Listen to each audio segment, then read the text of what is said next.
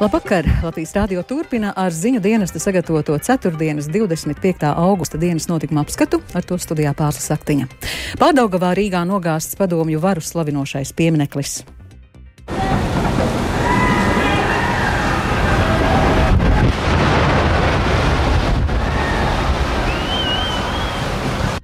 No daļas sabiedrības sagaidāmi nemieri un provokācijas, vērtē pētnieki pazūd eh, materiālitāte, konkrēta taustāma lieta, tā kā bērnam atņem rotaļlietu. Es katrā ziņā nebūtu ļoti arī uh, optimistisks, nu, ka viss ir beidzies un ka nu jau mēs uh, visi dzīvosim mierā.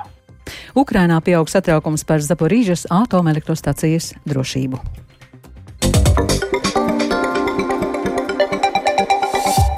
Latvijā un Baltijā lielākais padomju laika piemineklis ir nogāsts.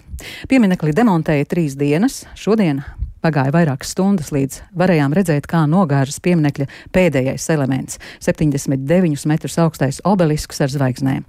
Cilvēki, kas šo brīdi gaidīja uzvaras parkā, apskāvās un apsveica cits citu. Mēs tā kā online skatījāmies, un tā kaut kāda ikdienas šie darbiņi pavadīja, un tad mēs atbraucām pusčetros. Mums gan te biedēja, ka būs ļoti, ļoti ilgi jāgaida. Mēs jau sarunājām, ka mēs nāksim vakarā ar šāpi vēl. Un bijām jau gatavi patiesībā drīz doties uh, prom, jo bija paredzēts citas lietas darāmas. Bet uh, domājām, vēl desmit minūtes vai kaut kā tā, un uh, tas jā. vienkārši notika acu priekšā. Tādas sajūtas, jā, emocijas. Es skatījos, pulkstenis, laikam, jau bērns no dārziņa jāizņem, un tieši tajā brīdī, un tā kā nevar savs krīt vai nekrīt, un krīt, un tik skaisti. Burvīgi. Sen jau bija jāizdara pirms 30 gadiem. Visu bērnību es šeit ar rītdienu esmu izzinājies. Viņš kā tāda strūtaina skabarga pirkstā pārdaugavā. Un eh, beidzot vairs nav. Un arī šodien Liela nedaudz. Eh, lika vēl pagaidīt. Jā, turējās stipri. Bet eh, nu, viss kārtībā. Baigies prieks, tiešām, tiešām liela, liela diena. Lielisks sajūta. Pārlaimīgs. Beidzot tas beidzās. Jā. Mēs beidzot kustamies uz priekšu. Es pat tik ilgi mājas darbus nepildīju. Man viens komentārs, es ceru, ka tagad pro-kremliski noskaņoties apritīs, kad ar latviešiem nejoko. Tieši tā, tieši tā. Nē, esam tādi, kur mēs sēdēsim zem citu tupelēm. Mēs varam arī kaut ko paveikt. Un, ko jūs gribētu šajā vietā redzēt nākotnē? Ja nozīmē, ka cilvēks savienot, nevis sašķelt. Bet katrā ziņā es domāju, ka tur nevajadzētu būt nekādiem pieminekļiem, nekam, nekam tādam nu, nevajag dot atkal šādiem proklamiski noskaņotiem cilvēkiem, dot atkal iespēju kaut ko mēģināt veidot, un kā arī katru gadu atkal veidot Krievijas ietekmes instrumentu kaut kādu. Kā mēs teicām nesen arī, ka šis ir beigu sākums, un es ceru, ka šis būs nozīmīgs arī punkts Krievijas sabrukšanai. Tādas emocijas uzvaras parkā. Visu dienu uzvaras parkā notikušo vēroja un vēsturisko brīdi gaidīja, un Latvijas radio klausītājus informēja Viktors Demīdovs. Viktors šobrīd studijā. Viktor, lūdzu, pastāsti, ko tu redzēji un kādas bija tavas emocijas? Jā, sveicināti. Tas bija visai iespaidīgi. Es teiktu, ka mediju pārstāvi bija tie, ka tie, kas pieminekli varēja mm, vērot maksimāli tuvu tam, obelisku drupināja uh, vairākas stundas. Es tam vēroju un sekoju līdzi skatos septiņas stundas. Un vienu brīdi izskatījās, ka tas jau sašķobījās, bet pāris stundas uh, nācās gaidīt, ka tas uh, notiks. Un, jo ilgāk gaidīju, jo vairāk radās sajūta, ka obelisks stāvēs uh, vēl uh, ilgi, bet tad pēkšņi pat teiktu tā negaidīti. Un uh, neviens no atbildīgiem neko neteica, neinformēja, ka tur tuvāko piecu minūšu laikā vai tūlīt kaut kas kritīs. Vairākas stundas, stundas es gāju klāt pie atbildīgajiem un jautāju kaut kādu jaunākā informāciju komisija man atbildēja, ka, pēc, ka tūlīt, tūlīt tam ir jābūt, bet kad neviens nevarēja neko pateikt īsti. Un tas ir saprotams. Tas, kad tas uh, brīdis pienāks. Uh, bet uh, tad pēkšņi kāds no mm, žurnālistiem skaļi izsaucās, ka krīt, un, un visi tam pievērsās ļoti uzmanīgi, jā, un nogranda tik varani tas krita, kā bija plānots dīķī, un, un tad pacēlās tas lielais putekļu un arī šļakatu mākonis. Un ja kāds vēlas redzēt tūplānā, kā tas obelisks, um, kā to obelisku drupināja un kā tas nokrita, jā, tieši tā, tad video ir pieejams Rīgas pašvaldības policijas Twitter kontā. Nu, piemineklis ir nogāsts, un kas tagad notiek uzvaras parkā un tā apkārtnē? Mhm. Dažas minūtes pēc tā gāšanas satiksme uzreiz tika atjaunota gan sabiedriskā transporta, gan arī privātais transports un arī gājēji, bet es nete, tā tad gar pa uzvaras bulvāri un, un, un tad Bajāru iela un pa tām ielām tika atjaunota satiksme pie paša pieminekļa, bez šaubām tur jau piekļūt nevar un, un, un mhm. nav zināms, es teiktu tā, ka laikam tas 15. novembris ir tas datums, līdz, līdz kuram, kuram ir viss jānovāc. Tieši, tieši tā, līdz kuram ir jānovāc. Paldies, Viktors Devnīdovs, par notikušo šodien uzvaras parkā. Par pieminekļa demontāžu atbildīgā Rīgas domas vadība tūlīt pēc notikušā rīkoja preses konferenci, un mums pievienojas Linda Spundiņa, tikko no Rīgas rātes. Linda, lūdzu, pastāsti, ko paveistīja Rīgas vadība. Sveika, pārslabdien, klausītāji! Uh, Rīgas domas uh, nu pat preses konferences ir beigusies, es arī esmu šeit ieradusies, un pirmais lielais paldies visiem bija arī no paša mēra. Mārtiņš Taķis teica paldies gan būvniekiem, gan projektētājiem, protams, valsts policijai un drošības dienestam. Jāteic, ka viss notika neplānoti, to gan minēju Rīgas domē, jo neplānoti viņi to domā ar to, ka vajadzēja šim piemineklim būt nogāstam 2. septembrī. Un varam paklausīties, ko saka Rīgas izpildirektors Jānis Langi par šo. Sākotnējais plāns bija, ka strēles demontāža notiks nākamās nedēļas piekdienā. Uz to mēs sākotnēji arī gājām, bet, ja būtu precīzi jautājums, vai viss notika pēc plāna, man būtu precīzi jāatbild nē. Viss notika stipri ātrāk. Faktiskā situācija mainījās jau vakar vakarā, kad būvnieks ziņoja no savas puses, ka, nu, principā sākot darbus pie strēles, mēģinot saprast, kāda ir situācija. Faktiskā situācija tika konstatēts, ka betons ir švakāks nekā iepriekš bija plānots. Tādēļ tika operatīvi vakar pieņemts lēmums, ka mēģināsim to darīt šodien. Un šodien arī tika drupināts, un betons bija tieši tā arī apstiprinājis, ka betons bija nedaudz švakāks, bet uh, armatūras bija diezgan spēcīgas. Tādēļ arī tas paņēma zināmu laiku. Atbilstoši plānam bija paredzēts, ka šī strēle gāzīsies uz basēnu pusi, un atbilstoši šim plānam arī perfekti šī strēle nokrita. Jā, kā dzirdējām, perfekti strēlē nokrita, bet uh, tas ilgais gaidīšanas laiks, ko noteikti tik viens uh, pavadīja gan dažādos ekrānos, varbūt arī uz vietas, uh, bija pateicoties tam, ka šīs armatūras bija gana spēcīgas. Bet uh, šobrīd, uh, jā, piemineklis ir gāsts un droši vien. Bet ko pašvaldība iecerēs darīt tālāk? Jā, tas, ko pašvaldība minēja, vispirms gan visai sabiedrībai, būvniekiem un tiem cilvēkiem, kas sekoja līdz šiem notikumiem, ir jānomierinās. Un tad sekos arī pārējie darbi, kur ir diezgan ietilpīgi, protams, nogāstā pieminekļa drupināšana, būvgružu atdalīšana un citi labiekārtošanas darbi, bet doma ir ļoti pateicīga, ka viss ir noticis agrāk un Um. Viņiem noteiktais termiņš ir tas, ka līdz 30. jūnijam objektam jābūt nodotam eksploatācijā. Tas nozīmē, ka šim, šai vietai, kur atradās piemineklis, jābūt vismaz zālājam, bet par to, kādi būtu nākotnes plāni pēc gada, diviem, kas atrastos uzvaras parkā šajā vietā, to tā būs diskusija, un šodien jau daudz dzirdēti viedokļi par to, ko iedzīvotāji vēlētos. Mērs gan norādīja, ka viņš to redz kā jaunatnes vietu, respektīvi tā būtu vieta jaunajai paudzē, kur tad varētu būt dažādas sportiskas aktivitātes, brīvā laika pavadīšana, bet uh, tiešām lēmums vēl nav pieņemts un tā būs diskusija. Paldies, Linda! Mēs turpināsim arī ar tavu ierakstu par sabiedrības tālāko reakciju, un pētnieki saka, ka no daļas iedzīvotāju sagaidāmas provokācijas. Līdz šim pieminekļa nojaušanu lieli protesti nav pavadījuši. Latvijas Krievijas Savienībai Rīgas doma protesta akciju neļāva rīkot, un domas rīcību tiesa atzina par tiesisku. Latvijas Krievijas Savienība Latvijas rādio norādīja, ka iespējams lēmumu apstrīdēs. Savienības līdzpriekšsēdētājs Miroslavs Mitro Fānaus uzskata, ka pieminekļa nojaukšana ir negodīga un atstās negatīvas sekas daļai iedzīvotāju. Un plašāk Lindas Pundiņas ierakstā. Jau no paša sākuma pret padomi pieminekļa nojaukšanu pārdaugavā iestājās Latvijas Krievijas Savienība. Dienā, kad gāsts pieminekļa centrālais monuments, obelisks, Savienības līdzpriekšsēdētājs Miroslavs Mitrofanovs norāda, ka pakļausies likumiem pat, ja tie viņa prāt ir netaisnīgi. Šodienas notikums, notikumam būs ļoti nopietnas sekas nākotnē. Pāries paudzes, es nezinu, cik tur simts gadu, kamēr Latvijas Krievu kopiena varēs piedot valsts varai tādu rīcību pret uh, pieminekļu. Kā jums šķiet, kādas tās sekas jā. varētu būt? Es saprotu, viens, ko jūs minat, ir aizvainojums, bet vai tās sekas varētu rezultēties kaut kādās arī darbībās? Darbība ir neusticība, naids. Tad tas nav, teiksim, kā fiziski kaut kur cilvēki tur ies kaut ko graus vai, vai uh, sacelšanas būs. Nē, tu neparedzēji.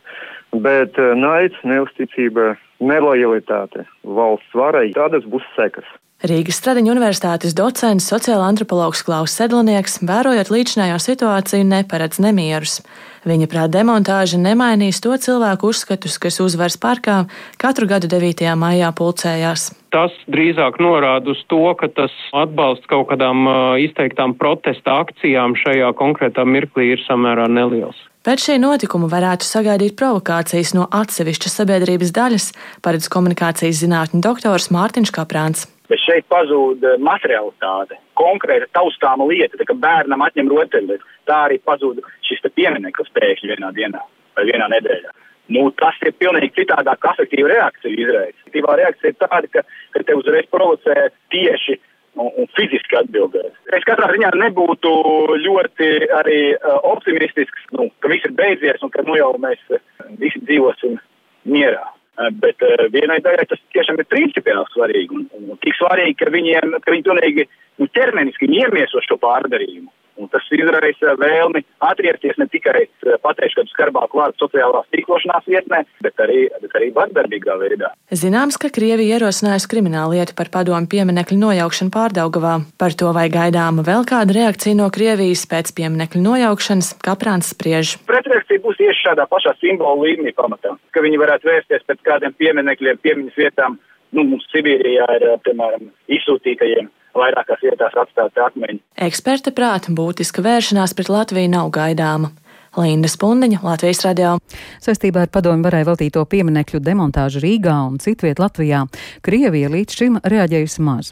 Nedēļas sākumā Krievijas galvenā izmeklēšanas pārvalde ierosināja krimināllietu saskaņā ar pašas Krievijas likumiem, kas paredz atbildību par padomu karaspēkam veltīto pieminekļu bojāšanu vai iznīcināšanu arī aizstās robežām. Ko tāda rīcība nozīmē Latvijai? Jautājām ārlietu ministrijas parlamentārajai sekretārei Zandai Kalnijai Lukaševicē no jaunās vienotības. Jāsaka, ka mēs neesam pārsteigti par šādu Krievijas rīcību.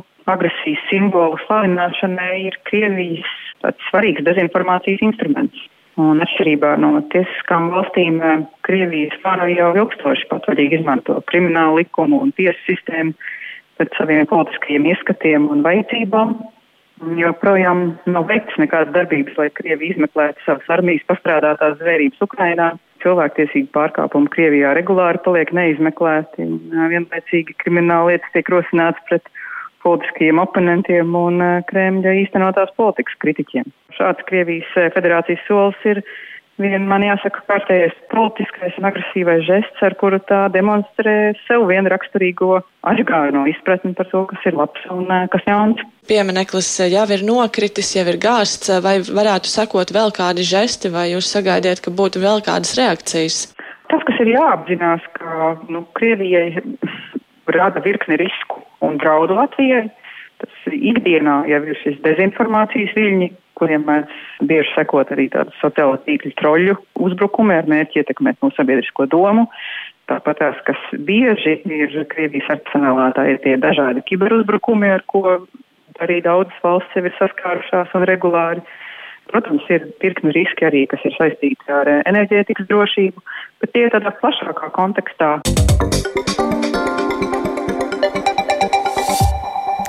Zaporīžas atomelektrostacija šodien uz laiku pilnībā atslēgta no Ukrainas energotīkla, palielinot bāžas par stacijas drošību. Startautiskā atomenerģijas aģentūra ir pārliecināta, ka tās misijai tuvāko dienu laikā izdosies staciju apmeklēt un pārliecināties par tās drošību. Tikmēr Krievijas prezidents parakstīs rīkojumu par ievērojumu Krievijas bruņoto spēku skaitliskā sastāva palielinājumu. Vairāk stāstuģis Lībietis. Diena pēc vakar atzīmētās Ukrainas neatkarības dienas daudz vietā Krievijā un tās kontrolētajās Ukrainas teritorijās, tostarp Donetskā un Krimā, izcēlusies ar ukraiņu hakeru saudabīgu uzbrukumu. Sociālajos medijos redzam video, kurā daudz vietā pa publiskiem skaļruņiem sāk uzskanēt Ukrainas himna vai par vienu no šī kara simboliem kļūsī dziesma par sarkano īrbeni. Visas dienas laikā turpinājās arī seku apzināšana un novēršana pēc traģiskā uzbrukuma Čaplinas stacijai Ņepropetrovskas augbalā. Bojā gājušo skaits ir pieaudzis līdz 25, taču Krievijas puse apgalvo, ka uzbrukuma patiesais mērķis ir bijis aptuveni 200 ukraiņu karavīri, un esot iznīcināts arī desmit militārās tehnikas vienības. Notikušais ir izsaucis asu nosodījumu, tostarp Eiropas Savienības augstajam pārstāvjiem ārlietā Žuzepam Borelam pieprasot vainīgo saukšanu pie atbildības. Pēc saspīlēta situācija joprojām saglabājas Zaporīžas atomelektrostacijā, ko jau martā sagrāba un joprojām kontrolē Krievijas spēki. Kā paziņojas kompānija Energo Atoma, pirmo reizi vēsturē šodien atomelektrostacija tikusi pilnībā atslēgta no elektrotīkla. Tiek skaidrots, ka ugunsgrēku dēļ divreiz ir atslēgusies atomelektrostacijas ceturtā sakaru līnija ar Ukrainas energosistēmu. Trīs citas līnijas iepriekš jau bija bojājuši iebrucēju spēki, un pašlaik notiek mēģinājumi pieslēgt tīklam vismaz vienu no energoblokiem. Situācija Zaporižā joprojām pievērš arī starptautisku uzmanību, un Starptautiskās atomenerģijas aģentūras ģenerāldirektors Rafēls Grossi intervijā France 24 ir paudis cerību, ka jau tuvāko dienu laikā aģentūras pārstāvjiem izdosies apmeklēt Zaporižas atomelektrostaciju. Pēc viņa vārdiem gan Kijavas, gan Maskavas pusē kopumā esot izpratne, ka starptautiskiem ekspertiem stācijā ir jābūt. Way, in... Nekas tāds iepriekš nav noticis, un to var teikt arī par citām šī kara lietām. Taču šajā konkrētajā gadījumā mēs redzam dažādu tautību darbinieku strādāšanu kopā. Ir divu karojošu valstu pārstāvji, un tas nav vienkārši.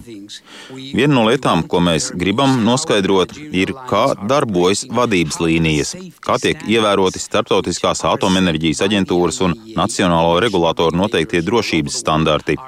Tā ir viena no ļoti nozīmīgajām lietām, kas mums būs jāpārbauda. Mēs visu laiku sazināmies ar Ukraiņas regulātoru, ar Ukraiņu operatoriem un, protams, arī ar Krieviju, jo Krievija kontrolē staciju. Es vakar biju Stambulā, lai apspriestu ar Krieviju vizītes detaļas. Mums, kā starptautiskajai komitejai, ir jārunājas ar visiem. We, as IEA, we are the international community, so we have to talk to everybody.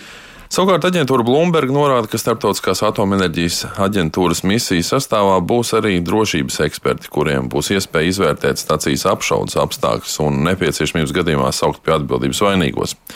Arī Britu izlūkdienests ir sniedzis savu izvērtējumu par situāciju stacijā. Britu pusi apgalvo, ka Krievijas iebrucēji savu klātbūtni tur cenšoties slēpt kaujas tehniku, izvietojot zem trubām un stacijas arkām.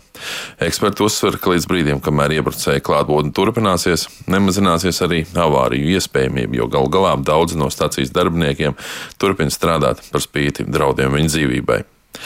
Lai arī dažādu ekspertu prognozes par to, cik ilgi karš Ukrainā turpināsies, ievērojami atšķiras, ir manāms liecības par to, ka Krievija ir gatava ilgstošam konfliktam. Un par to varētu liecināt internetā pieejamais Krievijas prezidenta Vladimira Putina projekts, kas paredz, ka no nākamā gada 1. janvāra ir jāpalielina Krievijas bruņoto spēku skaitliskais sastāvs. Militāristu skaitu paredzēts palielināt par 137 tūkstošiem līdz 1 miljonam un 150 tūkstošiem cilvēku. Uģis Lībijams, Latvijas radio. Trīs Eiropas parlamenta deputāti no Francijas vērsušies ar vēstuli Eiropas komisijā, vainojot Lielbritāniju noteku ūdeņu izgāšanā Lamanšā un Ziemeļjūrā, apdraudot Francijas piekrastes ūdeņu peldvietas, bioloģisko daudzveidību un zveju. Te jau 50 pludmalēs Anglijā un Velsā izsludināti brīdinājumi pēc tam, kad spēcīgs lietus izraisīja noteku ūdeņu pārplūdi, tiem nonākot upēs un jūrā. Lielākajā daļā Lielbritānijas ir apvienota kanalizācijas sistēma, tāpēc notekūdeņi no toaletēm tiek novadīti uz notekūdeņu attīrīšanas vietām pa tām pašām caurulēm, kur lietus ūdens. Lai pēc spēcīgām lietavām neveidotos plūdi, sistēma ir izstrādāta tā, lai laiku pa laikam pārplūstu un novadītu neattīrītus notekūdeņus upēs un jūrā. Pārplūšanu šovasar veicinājis ārkārtīgi karstais laiks, turpina Rihards Plūme. Trīs Francijas Eiropas parlamenta deputātu vēstulē Eiropas komisijai norādīts, ka kopš izstāšanās no Eiropas Savienības Lielbritānija nav ievērojusi savas saistības vidas jomā. Francijas politiķi aicina Eiropas komisiju uz tiesisku vai politisku rīcību. Tikmēr Lielbritānijas valdības pārstāvis sacīja, ka deputātu apgalvojumi vienkārši neatbilst patiesībai. Lai gan Lielbritānija vairs nav saistoša bloka tiesību aktiem, tā joprojām ir parakstījusi attiecīgās ANO konvencijas par kopīgu ūdeņu aizsardzību, uzsvēra Francijas eiroparlamentārieši. Par sportu Latvijas čempione futbolā RFS šodien Belfāstā aizvadīs izšķirošo maču par vietu UEFA konferences līgas grupu turnīrā tiekoties ar Ziemeļīrijas čempioni Linfield. Pagājušajā ceturtdienā Skonto stadionā notikusī dueļa pirmā spēle noslēdzās ar 2-2. Šodienas atbildes spēlē RFS komandai vajadzīga jebkāda uzvara. Ziemeļīrijas galvaspilsētā Belfāstā atrodas arī Latvijas radio sporta žurnālists Mārtiņš Kļavinieks, ar kuru esam sazinājušies tiešraidē. Sveiks, Mārtiņ! Vai Belfāstā jūtama futbola atmosfēra? Eera. Sveika, pārslu un sveicināt arī Latvijas radio pirmā kanāla klausītāju no Belfāstas. Nu, jāsaka tā, es šobrīd atrodos, nu, principā, rokas stiepienu attālumā, tā varētu teikt, no šī konkrētā stadiona, kur šovakar notiks mačs starp Linfield un RFS komandām. Īsti nekas te par tādu futbola atmosfēru mazāk nekā 3,5 stundas pirms mača pagaidām neliecina. Jāpiebilst gan, ka stadions ir iebūvēts tādā kā dzīvojamo māju rajonā un te vairāk tāda, tāda miera mierpilna dzīve rit, um, ir mašīnas novietotas ielu malās, un, um, un vienkārši cilvēki dzīvo un, un, uh, un uh, veic savus ikdienas pienākumus. Bet uh, es pieļauju, ka drīz vien, jau drīz vien kaut kādai kustībai arī būtu jāsāk stadiona virzienā. Um, tas, kas ir zināms par RFS komandas plāniem, ka pulksten astoņos vakarā pēc Latvijas laika komanda sēdīsies autobusā pie viesnīcas, kas viņus sagaidīs, un tad dosies šeit uz stadionu. Viņam apmēram 5 līdz 7 minūšu brauciens. Tas ir no viesnīcas līdz stadionam, un tad jau arī komanda ieradīsies šeit. Šobrīd viņi ir pabeiguši tādas dažādas sagatavošanās posmus, pēduši pusdienas, bijusi arī tāda motivējoša saruna pirms mača, un komanda jūtas labi. Vakar pabija arī pirms spēles treniņā, un jāsaka tā, ka gan vakar, gan šodien te Belfāstā ir tāds, nu, Britu salām neraksturīgs laiks. Saulīte, jā, vējains, bet silts un patīkams. Ideāla diena futbolam, jāsaka tā, tā ir paša futbolistu vakar izteicās, un šodien tieši tāds pats laiks, laikapstākļi proti, un um, es domāju, ka nekas netraucēs aizdīt labu spēli. Jāsaka, ka ir bažas par uh, diviem RFS spēlētājiem, kuri vakardien eh, treniņā guva nelielus galvas savainojumus. Jā, nesot eh, treniņu vārtus no laukuma malas uz laukuma vidu, eh, ar vārtu konstrukciju pa galvu dabūja Artūrs Zjuzins. Viņam gan viss esot kārtībā, bet Andrejs Iličs savukārt šķietam ir mm, komandas biedra Elkoni dabūja pa galvu gaisa divcīņā. Sparīgs treniņš emocijām pilns bija, un nu, tas vismaz vakardien neizskatījās labi, un viņš pats ejot uz ģērbtuviem sacīja, ka sāp, sāp tieši galvas vidusdaļa, bet nu, cerams, ka arī tas būs pārgājis. Nu, matemātika pavisam vienkārši. Tu jau pārslas sacīji. Šodien vienkārši RFS ir jāuzvar, un tad komanda iekļūs UEFA konferences grupu turnīrā. Tas būs lielākais Latvijas klubu futbola panākums pēdējo 13 gadu laikā, jo iepriekš Vēnspils komanda iekļuva UEFA Eiropas līgas grupu turnīrā. Tiesa, tās gan bija mm, drusciņi tādas, nu, nevaram teikt, prestižākas sacensības, bet tur spēlēja drusku nu, tāpēc matemātikas spēcīgāki klubi, bet tas nekādi nemazina RFS šīs dienas, ja tāds, protams, būs panākumu nozīmību, un uz to mēs visi šeit Belfāstā un es domāju arī Latvijā ceram, ka viss notiks kā tam jānotiek. Pārsla! Paldies! Un tā Mārtiņš Kļavinieks no Belfāstas, kur tātad šovakar ļoti svarīgs futbola mačs Latvijas čempionai futbolā RFS.